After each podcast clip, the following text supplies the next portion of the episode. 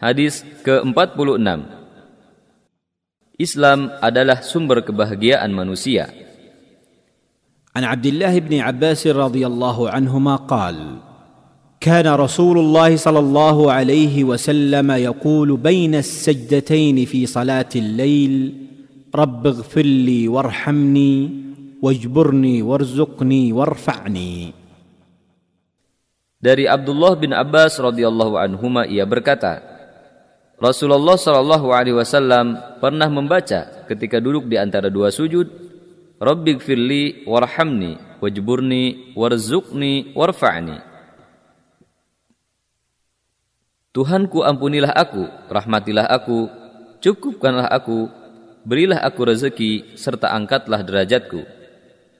Hadis riwayat Ibnu Majah, Abu Dawud dan Tirmidzi dan ini lafaz Ibnu Majah. Menurut Imam Tirmidzi, hadis ini gharib dan disahihkan oleh Al-Albani. Perawi hadis. Lihat hadis nomor 41. Beberapa faedah hadis ini adalah Doa ini mengandung sebab-sebab kebaikan dan kebahagiaan yang dibutuhkan manusia di dunia dan di akhirat. Juga mengandung pencegahan dari segala keburukan yang tidak disukai. Islam merupakan sumber kebahagiaan manusia.